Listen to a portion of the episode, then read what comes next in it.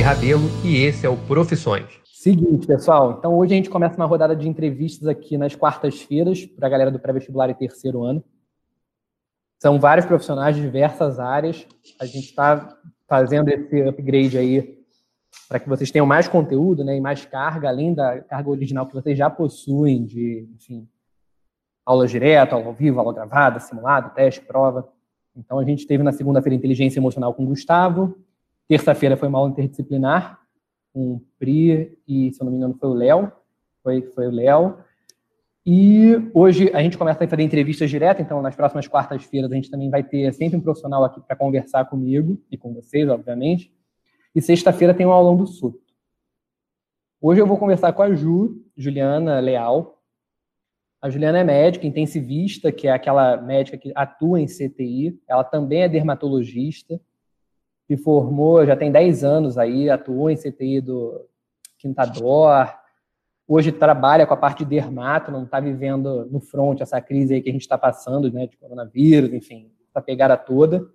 Mas não tem como a gente começar a conversar no meio de uma pandemia com uma médica intensivista e não perguntar para ela, Ju, e aí, o que está acontecendo? Como é que é o seu parecer disso tudo? Então, Felipe, eu pratiquei terapia intensiva, que é o intensivismo, durante oito anos, né?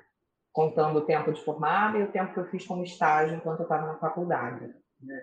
Então, do ponto de vista de epidemia, o que eu já vivi foi H1N1, né? na época que eu trabalhava em CTI, e tem assustado muito os meus colegas que ainda se encontram trabalhando em CTI, é a diferença entre essas duas doenças. O H1N1 foi uma epidemia grave, né? A gente viu muitos pacientes morrerem de H1N1, muitos pacientes ficarem com sequelas devido à doença.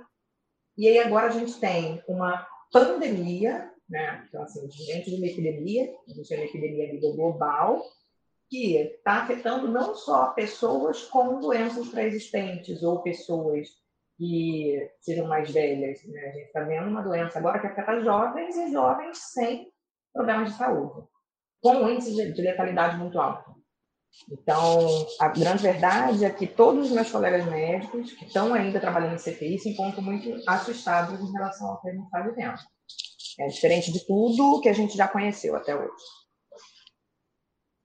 E você tava, a gente estava conversando né, antes da entrevista, você tinha me dito que um dos gargalos que você enxerga nesse momento é a falta de intensivistas com experiência, né? Porque é um processo difícil. É, na verdade, o profissional intensivista, né? Quando a gente se forma na faculdade de medicina, a gente estuda aqueles seis anos a medicina de uma maneira geral, e depois desse período você vai se subespecializar. Mas depois desses seis anos, você já pode sair dando plantão, ou de CTI ou de emergência né? E o CTI não é uma área de muito apelo para o médico. Primeiro porque ele demanda muito do médico, né? Então, a pessoa tem uma rotina muito desgastante, é, de plantões noturnos, de plantões no fim de semana, de plantões em datas especiais, então Natal, Réveillon, Carnaval, né? Não é uma área de muito glamour da medicina. Então, primeiro, a gente não tem muito, muitos intensivistas, né? E, em segundo lugar, é, a curva de aprendizado desse médico é uma curva muito longa, porque ele está lidando diretamente com um paciente instável, então à beira da morte. Né? Aí, quando eu vejo nas reportagens é, os nossos governantes preocupados com o número de leitos e com o número de ventiladores, eu acho que isso, sem dúvida, é uma preocupação a ser ponderada nesse momento, mas mais do que isso, se você não tiver um médico apto a manejar, a cuidar desse paciente grave, não adianta você ter um respirador no leito, porque esse paciente vai morrer antes de ser estabilizado. Né? Então, é isso que eu conversei ontem com o Felipe. Esse gargalo de você não ter o profissional adequado, que é o intensivista nesse momento, é o que mais me preocupa e que eu não vejo ser falado nas, nas mídias. Né? Então, paciente com com Covid, né, com coronavírus, que está instável, que chega em insuficiência respiratória sem conseguir respirar ou com muita dificuldade para respirar, e que precisa ser intubado, o procedimento de intubação em si é um procedimento de alta periculosidade. Esse paciente ele tem que ser sedado com drogas que vão deixar ele mais instável ele tem que ser rapidamente intubado, porque durante a intubação você tem um monte de processos que podem dar errado, né? Essa intubação ela pode ser feita de uma maneira incorreta, aquele tubo parar no estômago, por exemplo, né? Ou a pessoa pode fazer de uma maneira muito agressiva e danificar permanentemente a corda vocal daquele indivíduo. Né? E aí, durante esse processo, assim, os riscos de complicação são imensos. Então, esse paciente pode morrer só no processo de intubação. E aí, se não tem gente preparada, né, o risco disso aumenta exponencialmente. Não tem. O que a gente está vendo é, são os recém-formados sendo liberados. Né? Então, um monte de CRM, né, que é o nosso conselho, foi liberado para começar a trabalhar antes de se formar, até três meses antes de se formar. E o recém-formado não tem mão né, de CPI, de terapia intensiva. Então, ele vai se jogar e vai fazer as coisas do jeito que ele conseguir. Né? Entendi. Quando você se formou, você falou para mim que ficou oito anos como intensivista. Como é que foi essa escolha? Como é que foi esse processo, essa experiência? Na verdade, assim, é, dentre as muitas opções de especialização na medicina, o CPI me atraiu exatamente por conta da adrenalina, né? Então, assim, é, é um momento em que você está ali, que a vida daquela pessoa depende quase que exclusivamente de você, de uma atitude rápida, né? Então, é bem o que a gente vê nas séries médicas, né? Aquela correria de parada cardíaca, de, de intuba e de admite outro paciente. E eu achava isso muito estimulante. Então, foi isso que me atraiu. Mas, conforme eu fui fazendo estágios na área do CTI, antes de me formar, e conversando com as pessoas, ficava claro que era uma carreira que tinha um tempo limite. Eu não ia aguentar fazer aquilo a minha vida inteira. Né? Por mais que eu gostasse, que eu fosse apaixonada, em algum momento aquilo ia me impedir, por exemplo, de viver ocasiões especiais com a minha família. E eu não queria abrir mão disso. Né? Então, eu comecei a aventar a possibilidade de uma outra especialidade. Foi aí que surgiu a dermatologia, né, que hoje é o que eu faço, é o que eu exerço. Né? É... Então, eu fiz CTI por oito anos, me especializei em dermatologia e aí larguei o CTI posteriormente. Então, hoje eu atuo só como dermatologista. Né? É, e aí você, nesse momento tão caótico, não está na linha de frente do Não estou, mas assim... Por assim dizer. Não estou, mas gostaria de estar, sabe? Outro dia meu marido me perguntou se você não tivesse grávida, os alunos não sabem, né? Eu tô grávida, vou ter neném essa semana. Ele perguntou se você não tivesse grávida, você ia voltar para o CTI, não ia? Eu falei, sem dúvida nenhuma, porque assim, existe essa sensação de chamado, sabe? De que você é necessário, de que você é preciso ali, de que você pode fazer a diferença. E era isso que eu ia introduzir para você agora. Como é que funciona isso, né? Porque eu imagino que várias pessoas que queiram fazer medicina estejam se questionando um pouco do tipo, pô, é isso mesmo? Porque a gente nunca viu o bicho pegar dessa forma, né? É a primeira vez que a gente passa por um momento desse. A não ser quem estava em 18, né? 1918, na gripe espanhola, que acredito que ninguém nessa sala estivesse ali, passou por isso. Pois é, eu acho que assim, a medicina tem esse, essa característica, né? Uma profissão que por muito tempo a gente encarou como um sacerdócio, né? Então, assim, como um chamado, como uma vocação, muito mais do que só o ganha-pão da pessoa. Né? Eu acho que hoje a gente tem que atrelar os dois, né? A medicina ela tem que dar uma certa estabilidade, um conforto para você sobreviver, né? Viver de maneira confortavelmente, por assim dizer. Mas existe esse chamado para o lado humano, né? De você poder fazer a diferença na vida da pessoa. E essa sensação, eu acho que depois que a gente tem contato com isso pela primeira vez, é quase como um vício, sabe? Que é você se sentir não é diferente, mas é você se sentir essencial, sabe? Essa sensação de, nossa, eu fiz diferença na vida dessa pessoa, isso é uma coisa viciante. Então, o que eu vejo agora em relação aos meus amigos, assim, amigos que dobraram a carga horária, que triplicaram a carga horária de trabalho por conta disso, né? Então, por mais cansado que você esteja, e quando a gente fala de cansaço, é, não é só um cansaço físico, o cansaço físico a gente se acostuma, sabe? Então, assim, noite sem dormir, eu já cansei de fazer 48 horas de plantão sem dormir, sem problema. Mas o cansaço emocional, muitas vezes, é superior. Então, assim, você lidar com a morte de uma maneira muito próxima, é, isso extenua a gente emocionalmente, drena a gente emocionalmente. Né? É, e são especialidades totalmente diferentes, né? Sair de um CTI para um consultório de dermatologia, um você vê Olha, morte quase que diariamente, no outro não. Eu vou te falar que mais ou menos, tem similaridades, sabe? É. Porque dentro da dermatologia, hoje a gente tem uma enxurrada de dermatologistas estéticos, né? que eu também faço. Eu faço dermatologia estética, mas não é a minha linha de frente. Então, eu sou professora da UERJ de psoríase e de pacientes internados graves. Então, dentro da dermatologia, a gente tem doenças muito graves e pacientes que precisam de cuidados intensivos. E é uma área da dermatologia que pouca gente quer, porque não tem glamour. Então, acaba que eu me encontrei assim, né, sabe, nessa interseção entre a dermatologia e a terapia intensiva. E com esses pacientes, eu tenho a mesma sensação que eu tinha quando eu trabalhava no CTI. De, pô, eu fiz diferença na vida dessa pessoa, sabe? Então, eu alimento meu vício. Pô, legal. E você falou uma parada aí que eu achei muito certa, né? É, a medicina é muito cercada por um glamour, ela tem uma aura aí no meio que chama muitas pessoas e que necessariamente não é só isso. Não só a medicina, como a faculdade de medicina, né, Felipe? Então, assim, é uma faculdade muito extensa, né? São seis anos integrais. Então, durante aqueles seis anos, eu vi muito mais meus colegas de turma do que a minha família, por exemplo. Né?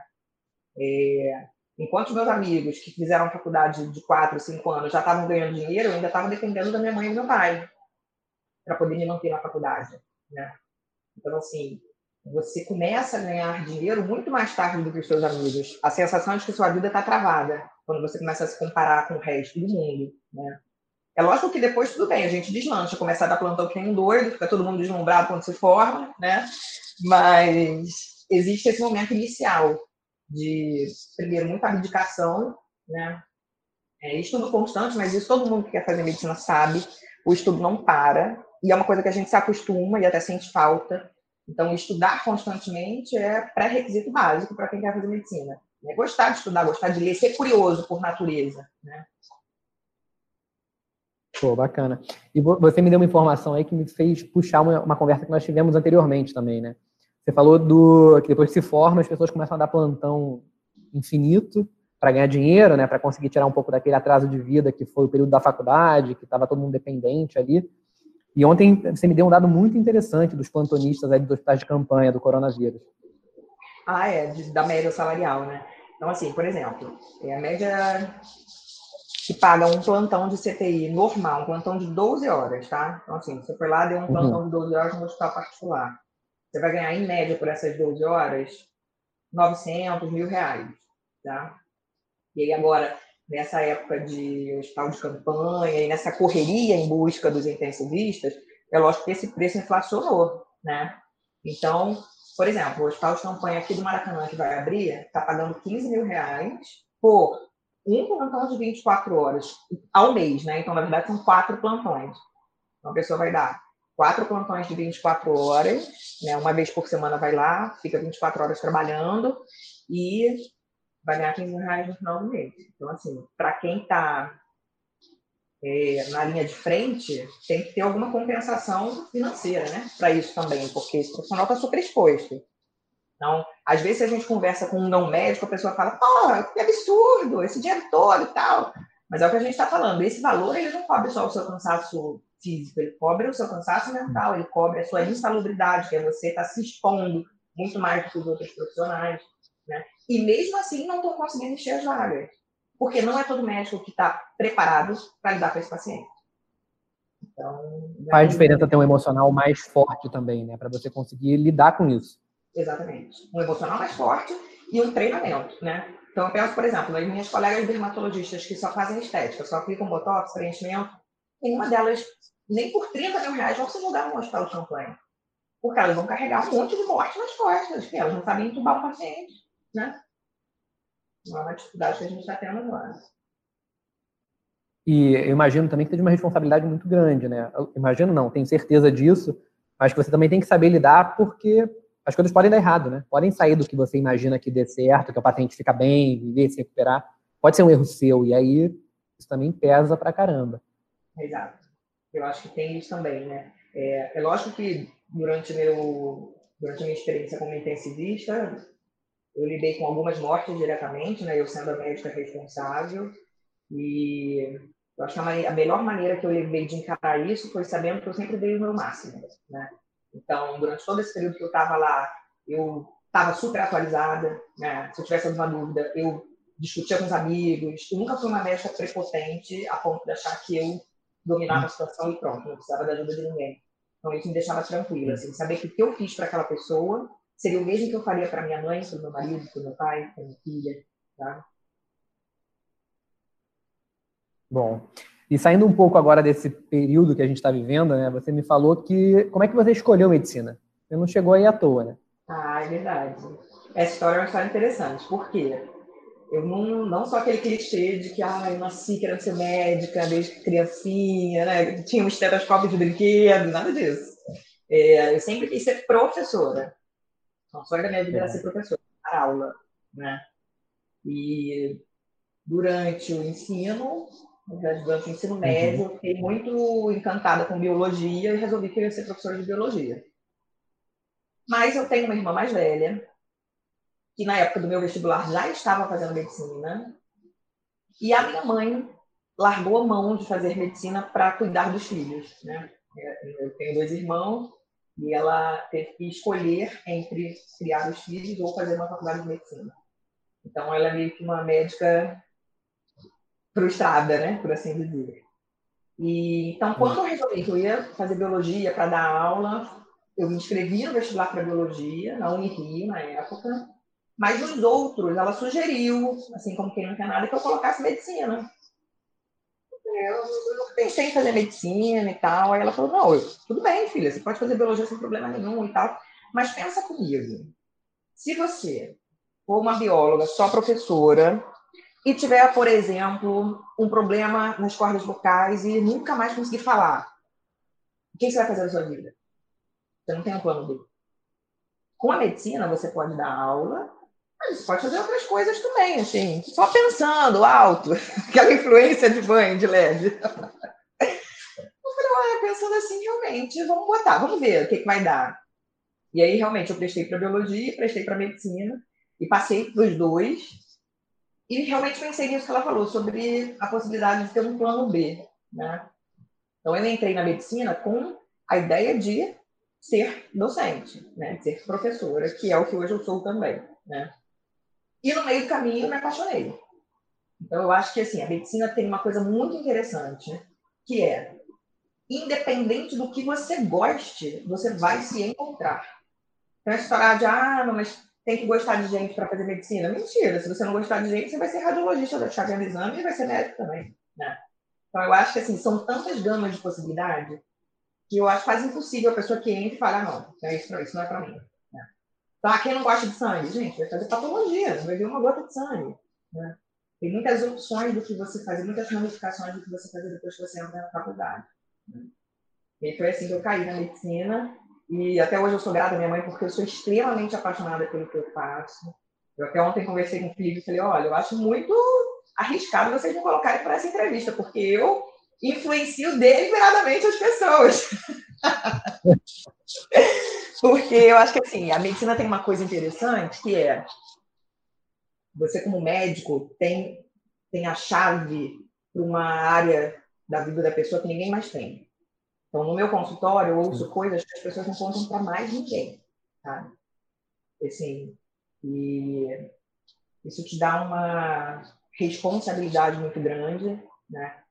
De dar o seu melhor, de estar disponível para aquela pessoa e de poder efetivamente ajudar. Eu acho que, dependendo de como você levar essa carreira, você consegue atrelar uma profissão com uma vocação. Né? Você consegue efetivamente fazer uma caridade através do seu trabalho. Né? Então, eu acho que isso é sensacional. Bom, a Ju, para quem está perguntando aí, é filha da UF, fez Niterói, fez Federal Fluminense, não foi isso, Ju? Foi, fiz UF. E quando a Ju entrou na faculdade ainda não era o Enem que botava as pessoas para dentro, né? Era um não, vestibular próprio. de cada faculdade, que eu particularmente acho muito mais justo, né? Então eu fazia a prova da Unirio, fazia a prova da UES, fazia a prova da UF, a prova do Fundão. Então, se você tivesse, por exemplo, um no dia de uma, não tinha problema, porque tinha outra prova para você fazer. É, a, a, possibilidade de fazer provas melhor era Nossa, mais muito, possível, né? Muito, muito mais. Muito. E como é que foi o seu tempo na UF, né? A UF é uma faculdade incrível, eu também me formei na UF, pô, quem é da UF em geral é apaixonado de qualquer pessoa que faz faculdade pública ou particular, mas é apaixonado pela faculdade que faz. E a UF ela tem esse peso. Queria ouvir de você, como é que foi a tua vivência na faculdade? Olha, engraçado, porque assim, o sonho da minha vida era fundão, né? Sempre foi fundão. E no meu primeiro ano de, no meu terceiro ano, né, que eu prestei prova, eu fiquei bem próximo ali de, de ser aprovada, pedi revisão e a minha nota baixou e eu passaria se não tivesse baixado, passaria para o fundão se não tivesse baixado. Então eu fiquei com esse ranço, sabe? Desse um ano a mais que eu tive que estudar e tal. E aí no meu ano de pré-vestibular, é, eu passei para a UF, comecei a cursar a UF e fui reclassificada no fundão. Então depois de seis meses de eu já estar na UF, e assim, já estar extremamente apaixonada pela UF, eu passei no fundão. E eu falei, pô, eu sonho da minha vida, né, cara? Eu vou lá ver. Mas assim, já fui de mau grado, né? Então cheguei no fundão, pô, meu campus na UF, Felipe, que é da UF, sabe, né? Eu ficava lá no Valonguinho. É, pô, um lugar maravilhoso, cheio de árvores, sabe? Aberto, perto ali da Baía de Guanabara, coisa mais linda. E aí fui pro fundão, no meio daquele, daquela selva de concreto. Nossa, achei aquele ambiente super hostil, achei as pessoas todas metidas. Falei, o que tô fazendo aqui, gente? Nossa, eu sou veterana já, já cursei seis meses, estou aqui levando trote e voltei para a UF e fiquei lá desde então. Eu acho que não existem coincidências nessa vida, sabe? É, a UF me deu vários melhores amigos que me seguem até hoje, muitas histórias bonitas para contar. Né? Foi uma faculdade de poucos recursos, né? Então, assim como qualquer faculdade pública que a gente vê, né? eu lembro que no anatômico, quando a gente, por exemplo, ia estudar os cadáveres, tinha cadáver que estava lá há mais de 10 anos. Cadáver que a minha irmã estudou na época dela e que eu estava estudando. Né? Os cadáveres já em decomposição, mas era o que a gente tinha, a gente se virava com aquilo. Mas, assim, a gana dos professores, a capacidade técnica deles, isso tudo superava né? os problemas físicos. E durante a minha faculdade eu peguei uma greve, não foi uma greve longa, então não chegou a atrasar em um período, mas também acidente de percurso, que a gente de faculdade pública está à mercê de acontecer, né? Estou muito feliz na UF, não mudaria nunca a minha, minha escolha. Ah, bacana. Eu também não. A UF é apaixonante. Deixa eu te perguntar, você teve alguma maior dificuldade na faculdade, assim, alguma coisa que marcou muito nesse período de seis anos que você cursou? Olha, tive, assim, em relação ao período básico, né? que eu acho que é uma queixa de quase unanimidade de todas as faculdades. Então, assim, quando a gente entra para fazer a medicina, a gente começa no período básico, que é quando você vai estudar bioquímica, biofísica, neurologia, é, neuro, neurofisiologia, coisas que não fazem muito sentido, sabe, na nossa cabeça. Então, tipo mitocôndria, ciclo de Krebs, isso tudo que a gente estuda no pré-vestibular, mas de uma maneira mais aprofundada e que você não entende a, não entende a implicação prática daquilo, né? Então, nesse período básico, que vai até o quarto período, então são dois anos, a maioria das pessoas pensa em desistir. Então, assim, a maior taxa de desistência da medicina é aí. Né? Quando a pessoa está vendo aquilo tudo e não está entendendo o que, que aquilo tem a ver com medicina. Né? Eu acho que essa foi a época mais punk, assim, de você estar tá estudando uma coisa e não entender o propósito. Né? E aí, pô, você não gostar daquilo. Você, a gente entra na faculdade com a ideia de que a gente vai amar aquilo, porque aquilo vai ser a nossa profissão, né? E aí você se depara com um monte de matéria chata, botânica, a gente estudava os mapas, enfim, coisas que a gente não fazem muito sentido. É, e aí depois do quarto período, quando a gente entra no quinto, é que a gente começa o ciclo profissional e que aí a gente pisa no hospital e aí coloca o jalequinho branco. Né? Então, acho que aí é, o grande, é a grande mudança né, na, na faculdade de medicina é lógico que hoje muitas faculdades já se reorganizaram. Então, por exemplo, eu tenho um cunhado que está fazendo medicina na UFRJ de Macaé, e lá é SBL, né? O PBL, uhum. Problem Based Learning, é uma, é uma didática diferente. Então, desde o primeiro período, ele está vendo doença, ele está vendo doente, ele está vendo patologia, sabe? E aí faz muito mais sentido, porque ele já se sente médico desde o primeiro período. Né? Mas ainda não são todas as faculdades que adotaram esse método, a UF ainda não adotou também. Eu sei que o Fundão de Macaé está funcionando bem, mas eu acho que esse, assim, esse é um grande desafio da faculdade, é superar esse período inicial, né? Alguém me perguntou aqui, a Tati me mandou a pergunta do seguinte: você acha que atualmente vale mais a pena fazer faculdade particular ou pública? Olha, o que eu vejo é que os professores das faculdades públicas, muitos também dão aulas em faculdades particulares. E a faculdade particular, óbvio, tem muito mais estrutura, né? muito mais recurso. Então, se eu, por exemplo, tivesse dinheiro, eu faria uma faculdade pública, particular, atenção. Eu não fiz uma faculdade particular porque nunca foi uma opção na minha casa. Então, assim, nós éramos três filhos, meu pai falou, vocês podem fazer quantos anos de cursinho precisarem, mas vão ter que passar por uma faculdade pública. Não era uma opção. Sendo uma opção, honestamente, eu não acho que hoje exista mais isso de ah, você se formou pela federal, você se formou pela, pela particular. Se eu te falar que ninguém nunca na minha vida, na minha carreira, né, nenhum paciente nunca me perguntou qual faculdade eu fiz, isso não é, não é importante. O importante é o seu comprometimento. Então, assim, quando alguém entra para ser consultado com você ou para virar o seu paciente, ele quer saber se você é uma pessoa comprometida, simples, né? atualizada, né? vai se preocupar com ele. Não se você fez faculdade pública ou particular. Eu lembro que no pré-vestibular eu tinha essa mesma dúvida, né? De, pô, será que se eu fizer faculdade particular eu vou ser menos né, valorizado? Né, ou vou ser menos profissional? Isso não é uma realidade. Então, eu tenho ótimos colegas médicos que se formaram em particulares, né? E, e é indiferente, sinceramente. E medicina, ainda sem pagar a faculdade, né? na faculdade pública, já é um curso naturalmente caro. É, é um curso caro, assim, por conta dos materiais que demandam, né? Por conta do tempo de curso, que é isso que eu te falei, de você ainda depender de alguém durante o tempo do curso. Porque pensa comigo, você está fazendo um curso integral. Né? Trabalhar junto é muito complicado. Não é que seja impossível, né? Mas vai ter um peso na sua vida de estar tá estudando integralmente, estar tá trabalhando junto para poder se manter. Então,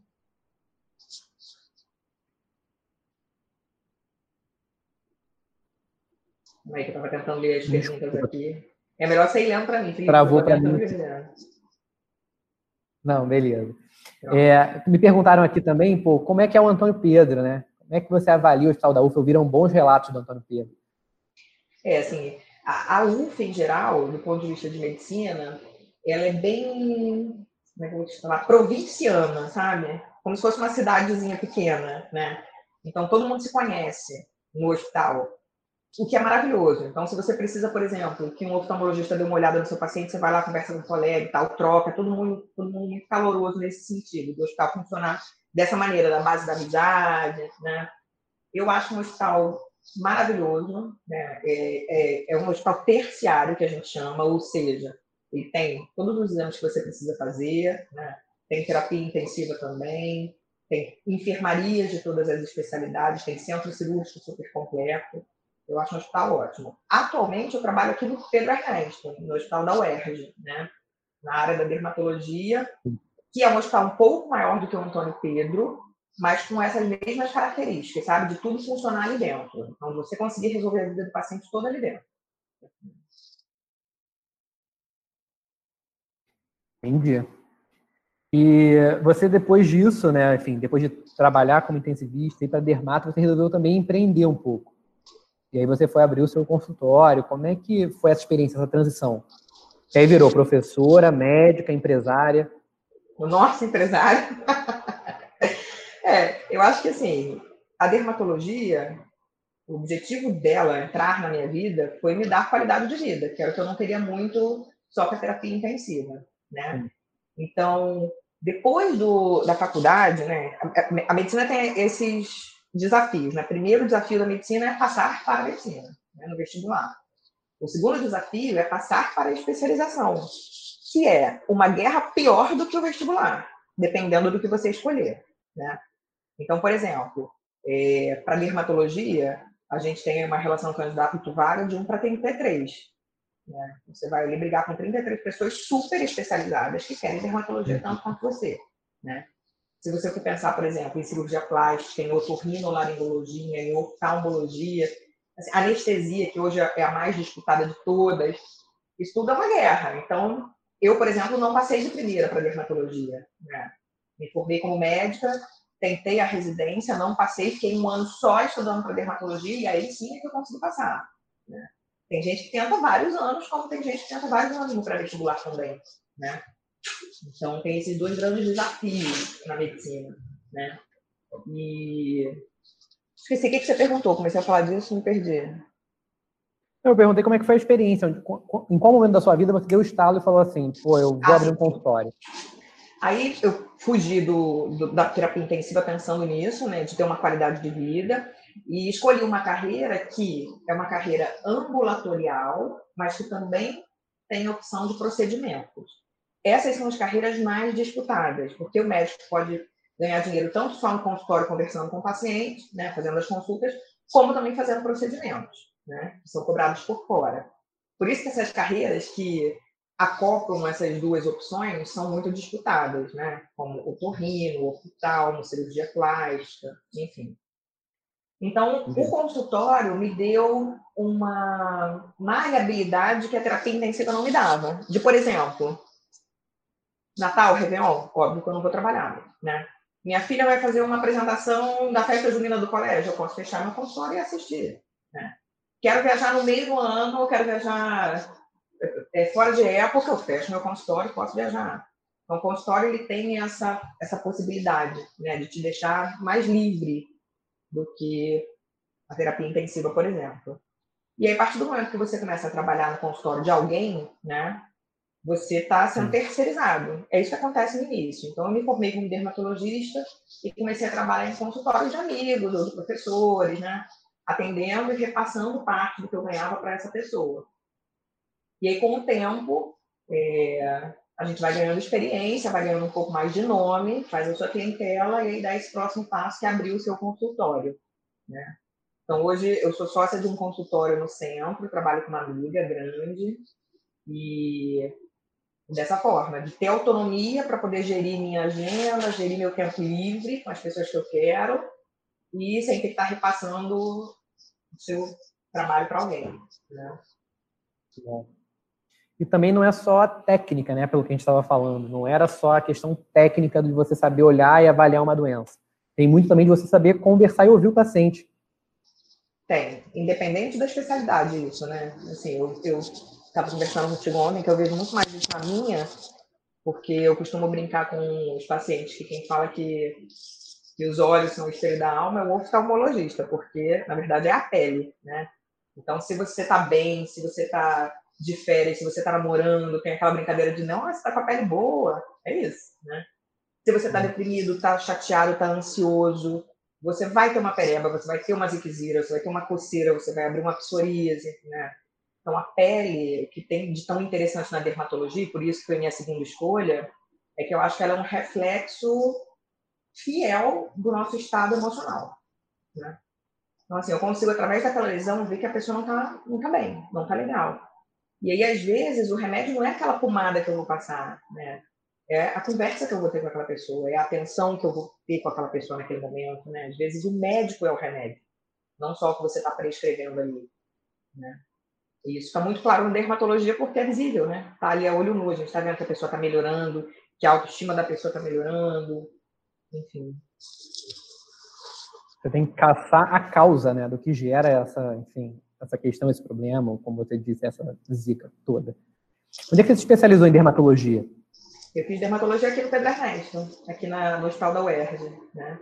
Que era meu sonho, porque eu já tinha feito UF, e já conhecia um pouco o serviço do fundão, então a UERJ era o único serviço que eu ainda não tinha tido muito contato, e eu queria ter essas diferentes experiências, né, para poder montar meu repertório, e aí passei para residência aqui na UERJ, e depois da residência eles me absorveram como staff, e aí eu acabei ficando como professora da psoríase. Mas ficou difícil. direto, né? Fiquei direto até hoje, mas foi bem difícil, assim, passar para dermatologia aqui na, na UERJ, porque eram pouquíssimas vagas, né?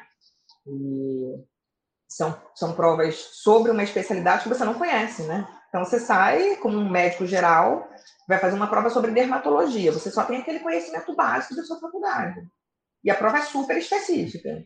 Então, como eu falei, eu não passei de primeira, fiquei um ano só estudando dermatologia para conseguir fazer aquela prova e passar. Quanto tempo leva uma especialização em dermatologia? Em dermato são três anos, sendo que no primeiro ano a gente não vê dermato. A gente roda em especialidades que se interconectam com dermatologia. Então, por exemplo, a gente passa três meses na reumatologia, né? que é o médico que cuida das doenças é, do colágeno, das doenças reumatológicas, das juntas, das articulações, e tem muitas manifestações cutâneas. Aí a gente passa mais três meses na endocrinologia, também tem várias doenças com manifestações cutâneas. Aí roda um pouquinho na hematologia, depois na clínica médica, enfim, vai rodando por vários lugares, até para conhecer o hospital, né? Aí no segundo ano, a gente entra na dermatologia, começa a estudar o básico, e aí no terceiro ano, que é o último ano, a gente vê mais profundamente as doenças de dermato mesmo. Entendi. Como é que você diria para um aluno hoje, para essa galera que está assistindo a gente a nossa conversa, pô, como é que eles poderiam passar para uma prova? Como é que você se preparou para o seu vestibular? Como é que eles podem se preparar para o vestibular deles? Como é que você vê isso? Pois é, eu acho que não tem uma resposta muito padrão, sabe, Felipe? Porque cada pessoa tem um perfil, né? É, eu sempre fui muito ruim em história e geografia, apesar de ter casado com um professor de geografia, faço passar várias vergonhas. Mas eu achava que eu nunca ia conseguir passar no vestibular por conta de história e geografia. Eu lembro que isso ficou muito marcado para mim, sabe? Porque eu mandava muito mal nessas provas. E, então, o que a minha estratégia para o ano que eu passei foi basicamente focar nisso, né? Porque o resto todo mundo era bom, né? Em química, em biologia, em português e tal. Então, eu tive que me diferenciar correndo atrás disso, da história e da geografia. O que sempre funcionou muito para mim, tanto na época do vestibular quanto na época da residência, era fazer questão. Por isso que eu acho que é muito do perfil. Tem gente que é melhor vendo, assistindo vídeo aula, tem gente que é melhor fazendo resumo. Para mim, assim, a fixação com questão era, era melhor porque eu estudava vários temas, sabe? Isso de eu sentar e esgotar um tema inteiro nunca funcionou muito bem, pessoalmente. Então, eu fazia uma questão daquele tema, lia um pouquinho sobre aquele tema. Logo, a próxima questão era sobre outro assunto, eu não ficava entediada do assunto, e aí aquilo fluía melhor, né? Então, a minha dica, o que funcionou muito para mim, foi isso, foi focar em questão. Em que momento nessa tua trajetória aí, nesses 10 anos de formada, que momento você considera tipo mais interessante? Pode ser muito engraçado, muito doido. O que, que você viu aí que foi mais diferente? Nossa, essa pergunta é uma pergunta muito difícil. Estou tentando aqui lembrar de momentos engraçados publicáveis. Não, assim, apesar de a gente ter falado de momentos engraçados, eu vou falar de um momento trágico, mas que me marcou muito, que foi a primeira vez que eu tive que dar a notícia de que alguém tinha falecido. É... Isso também é papel do médico. É papel do médico. Né? Então, assim, eu era médica do, do CTI, o paciente faleceu, então eu tinha que ligar para aquela família e dar a notícia de que aquele parente tinha falecido. E ninguém nunca tinha me treinado para isso. Né? Na faculdade eu não tive aula de como, como contar que alguém morreu, como conversar com a família. Né? E aí, eu, era, era duas e meia da manhã, eu não esqueço. E aí eu peguei o telefone do paciente fiquei pensando, né? Como é que eu vou falar para essa família? Quem será que vai atender? Enfim. E aí disquei, sem, sem nenhuma estratégia, assim, liguei o número, e aí, se você está com um parente internado no CTI e te ligam de madrugada, você sabe que o gato está no telhado, né? Então, eu lembro uhum. que atendeu a filha do paciente, eu me apresentei, falei, ah, aqui é a doutora Juliana, do, do CTI do Hospital Contador e tal. E aí, graças a Deus, a, a, pessoa me deu a notícia. Ela falou, doutora, não precisa nem falar, ele descansou, né? Então, eu não precisei verbalizar, sabe? Não falar efetivamente que a pessoa tinha morrido. E, e aí chamei a família do hospital para trazer os documentos e seguir os trâmites. E aí um, um, outro momento também que me marcou muito, nesse mesmo âmbito de dar a notícia da morte, foi um paciente que faleceu, a família estava do lado de fora esperando né, para saber a evolução do paciente, ele teve uma parada cardíaca, faleceu, e quando eu saí para dar notícia, era o avô de uma amiga de infância que eu tinha perdido contato, e eu tive que lidar com aquilo tudo, né? Com a emoção de reencontrar ela, com a tristeza de ter que ser eu de dar aquela notícia, né? De marcar aquela família para sempre, né? De que aquele parente tinha falecido. Então, assim, esses dois momentos me impactaram muito negativamente, mas fizeram parte da minha trajetória, né? Me prepararam, me fizeram amadurecer. Interessante. E eu imagino também que você encontre muita gente, né? Na medicina é uma carreira que faz você ter vários reencontros com pessoas que passaram na tua vida em outros momentos. Isso é verdade. é, reencontros assim alegres, sabe? E não só reencontros, né? É, é, interessante que meu marido é professor do Intel, né? E vários alunos dele são meus pacientes também. E eu acho o máximo, né? Então, assim, a gente lidar com a mesma pessoa em âmbitos diferentes, né? Eu também acho super interessante. Os alunos virarem meus pacientes. Para quem não sabe, a Juliana é casada com o Tite, que é o diretor de Vila, só para né, esclarecer isso aí. Senão daqui a pouco começa a ter aposta para descobrir quem é. não, pelo amor de Deus, não precisa apostar, não, eu estou muito bem. só para esclarecer. Vamos lá, vamos caminhando para o fim. Eu queria ouvir o seguinte: a gente está vivendo um momento atípico, né? Nunca vivido, quer dizer, já vivido, mas que a gente nunca nunca passou por isso, nunca viu. Como é que você vê o mundo e a própria medicina pós-coronavírus? Quando isso tudo der uma cessada, o que, que você imagina que vai sobrar? Assim, eu, eu sou uma otimista inveterada, sabe? Então, é, eu sempre prefiro ver o copo meio cheio. E a minha percepção. Minha câmera tá desligada? Calma aí, acho que eu desliguei a câmera sem querer. Você tá me vendo? Para mim tá. Tá ligado? Sim. Tá. É... Não sei, eu acho que qualquer grande momento de crise gera empatia, sabe? É lógico que não dá para generalizar, né? A gente tem aí uns pontos fora da curva, mas eu acho que esses grandes momentos de crise marcam uma, um crescimento da empatia entre o ser humano, sabe? Então, essa noção de fragilidade, essa noção de da vida estar tá por um fio, né, da gente a qualquer momento poder perder quem a gente ama, faz com que a gente viva mais intensamente, né? Entendi. Então, na medicina, não sei se vai ter muita mudança, honestamente. Porque eu acho que quem é comprometido vai continuar sendo, quem não é vai continuar sendo, né? Isso é uma questão pessoal. Mas eu acho que do ponto de vista de sociedade, é, acho que nosso saldo vai ser positivo, retirando todas as perdas necessárias nesse processo, sabe? Eu acho que a gente vai crescer como humanidade, é o que eu espero. Então, assim, eu agora vejo muito mais pessoas se engajando em movimentos sociais, né?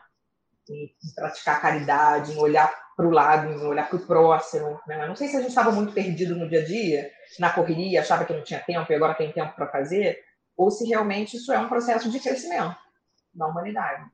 Né? Então, eu acho que o saldo, é, tirando todas as perdas do processo, vai ser um saldo positivo. Eu quero acreditar nisso, sabe?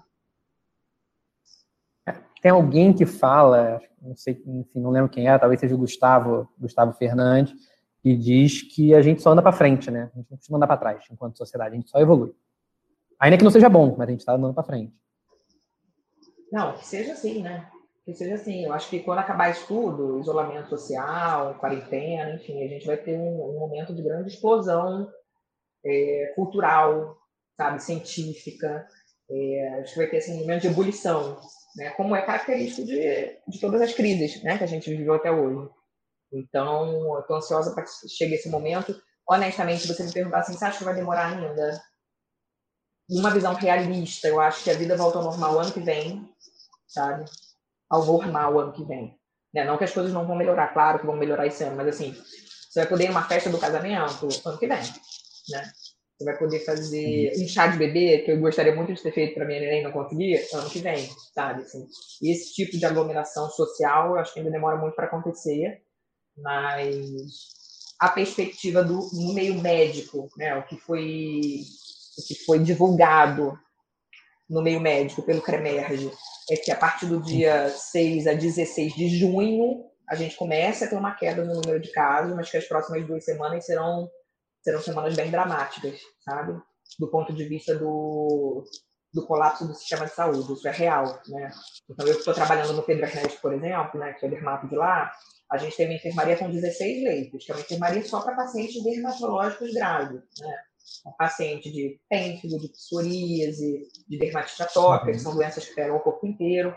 E aí ontem a gente ficou sabendo que a nossa enfermaria vai ser evacuada, nossos pacientes todos vão ter alta, mesmo sem condição de alta, é, para virar uma enfermaria de coronavírus pediátrica, porque não existem mais leitos no hospital. Então, é, realmente colapsou o sistema, né? E, isso muito me preocupa nas próximas duas semanas. Essa história de não sair de casa, né, que a gente está desde o começo de abril falando e tal, eu acho que assim, a regra agora é mais importante do que nunca, porque não é o momento para ficar doente. Nem para o hospital público, nem para o hospital privado. O hospital público ele continua abrindo leito até um limite, ele também tem um limite físico, né?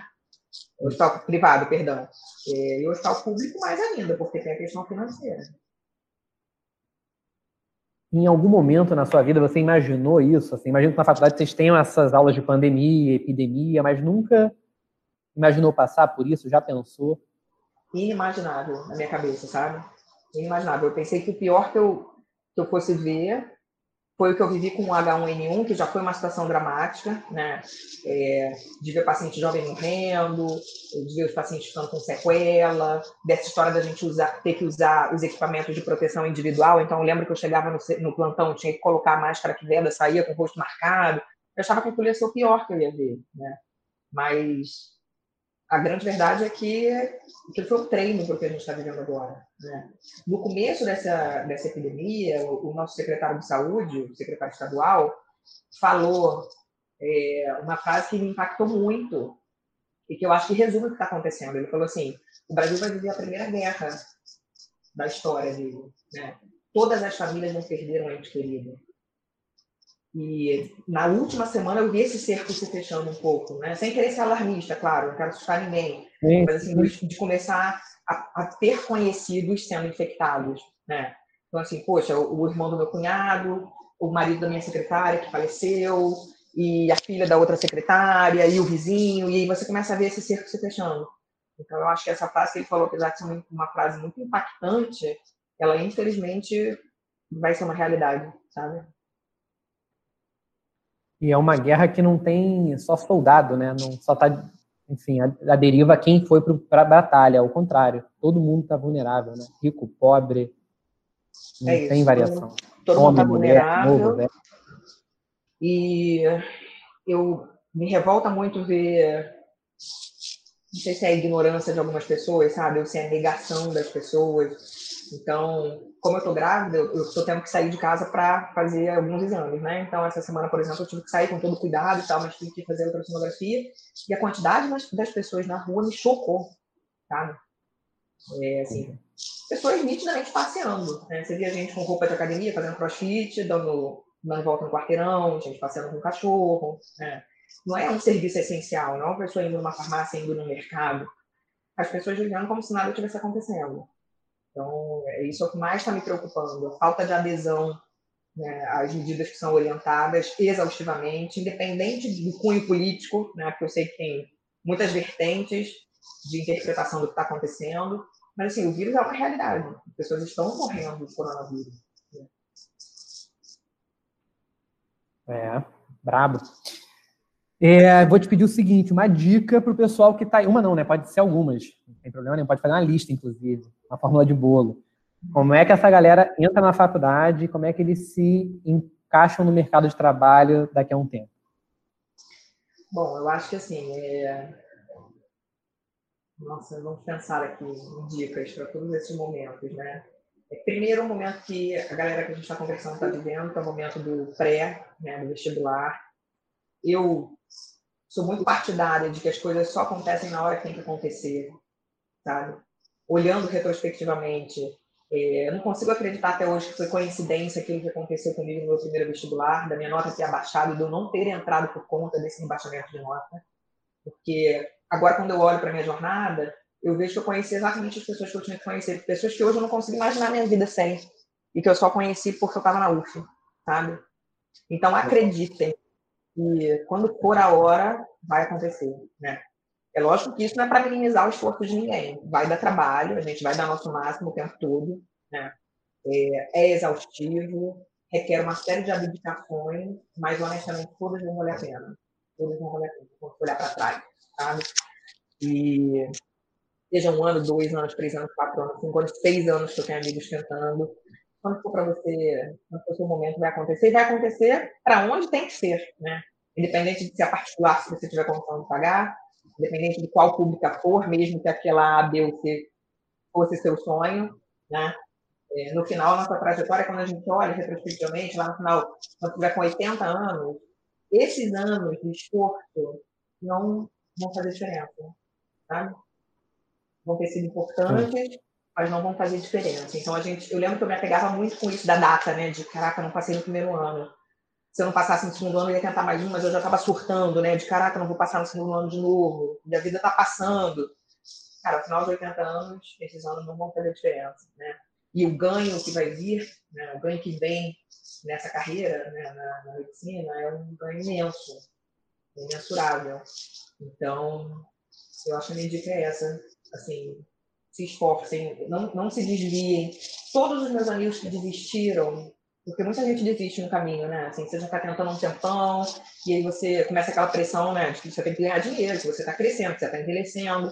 Então, vários amigos meus foram para nutrição, alguns para odontologia, alguns para psicologia, e todos se arrependeram, e alguns voltaram atrás. Depois de formados, foram tentar medicina mais velhos, porque também não é problema nenhum, né? Então, na minha turma tinha gente entrando com 35 anos, tem gente entrando com 40 anos para correr atrás do, do, sonho. Mas se é um sonho, gente, a hora é essa. Né? Não tem que postergar, não tem que substituir, sabe? É se jogar.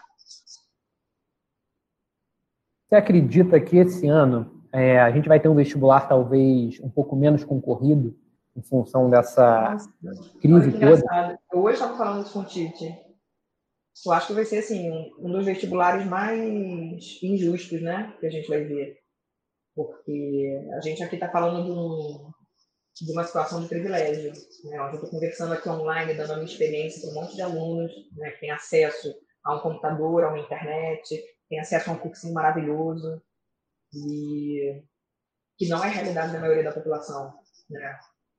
Eu acho que esse vestibular desse ano, ele primeiro vai limar é lógico que é uma minoria, né, que é essa minoria que estava tentando brigar em igualdade, mas que existia. Eu acho que essa minoria já não vai mais existir, porque não está tendo acesso a isso. Então vai ficar um abismo muito grande entre os alunos, sabe? Eu acho que vai ser um vestibular injusto. Mais fácil, mais difícil, não consigo avaliar, assim, em termos de, de questões técnicas, né? Mas vai ser mais injusto, com certeza. Né? Entendi. Vai ser mais excludente, né? Já é excludente, vai se tornar mais excludente ainda. É. E, e, que vai que, vai um pouco contra o que a gente tinha visto, né?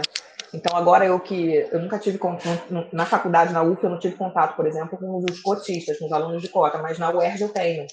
Né? Os meus alunos, muitos alunos são né, cotistas. E eu vejo a riqueza que isso traz, sabe?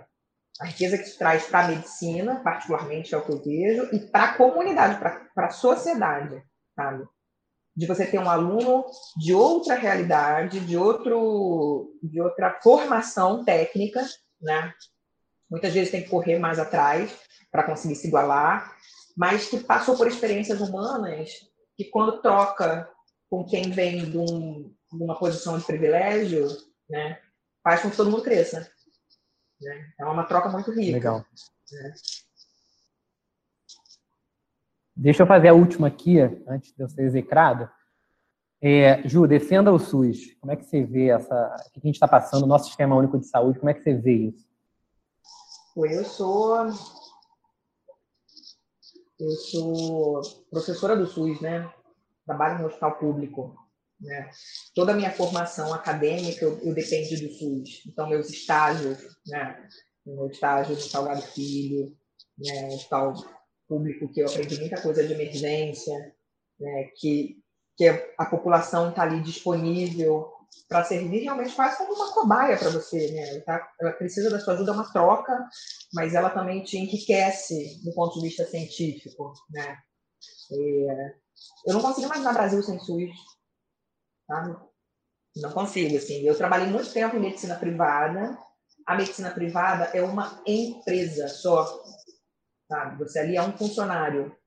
Então, o que permite o médico exercer a plenitude né, do, do, que envolve a medicina é o SUS, não é o hospital particular. O hospital particular você é um número, você é um funcionário, né? aquilo ali é uma empresa, ela visa o lucro realmente, não que ela não esteja preocupada com a saúde, mas assim, a saúde é um meio para chegar ao lucro, só. Né? Ainda mais hoje que a maioria dos nossos hospitais não são geridos por médicos. Então, os nossos gestores são empresários, efetivamente, né? Então, assim, é... nossa, eu não consigo imaginar Brasil sem SUS, honestamente. E não consigo imaginar medicina sem SUS, tá? E formação acadêmica sem SUS. Mesmo que você faça uma faculdade particular, você vai estagiar no hospital público, eu te garanto. Porque é lá que você vai botar a mão, né? Realmente aprender as coisas na prática, né? vai, vai usufruir dessa estrutura. Né? E das pessoas que estão ali também meio que servindo a gente. Então, eu tenho uma dívida de gratidão muito grande com o SUS. Né? Eu, lá na UERJ, como dermatologista, fui voluntária por muito tempo, então, assim, trabalhei de graça vários anos. Na verdade, não era de graça, né? Tinha um, um ganho secundário, que era o aprendizado que eu tirava dali, né? E eu acho que essa dívida a gente nunca vai conseguir sanar. Bom. Bom, a gente se aproximou do final, né? E o final chegou. Então, são quase seis horas. Te agradeço, Juliana. Obrigado pela entrevista, pela ótima conversa, super enriquecedora. Muito obrigado. Tive um, tive um repórter muito bom me ajudando. Valeu. Obrigado aí para o pessoal também que assistiu, que participou, mandou pergunta, enfim. Quarta-feira que vem a gente vai entrevistar o Thiago Meirelles, que é engenheiro de produção, trabalhou na TV Globo, fundou o Cartola aí para quem gosta de fazer uma aposta de vez em quando. Então, quarta-feira que vem um papo é com ele, tá bom? Valeu, pessoal. Obrigado. Obrigada, gente. Ju, valeu. Não desistam, hein? Em breve a gente se encontra aí nos caminhos da medicina. Falou, tchau, tchau. Beijo grande.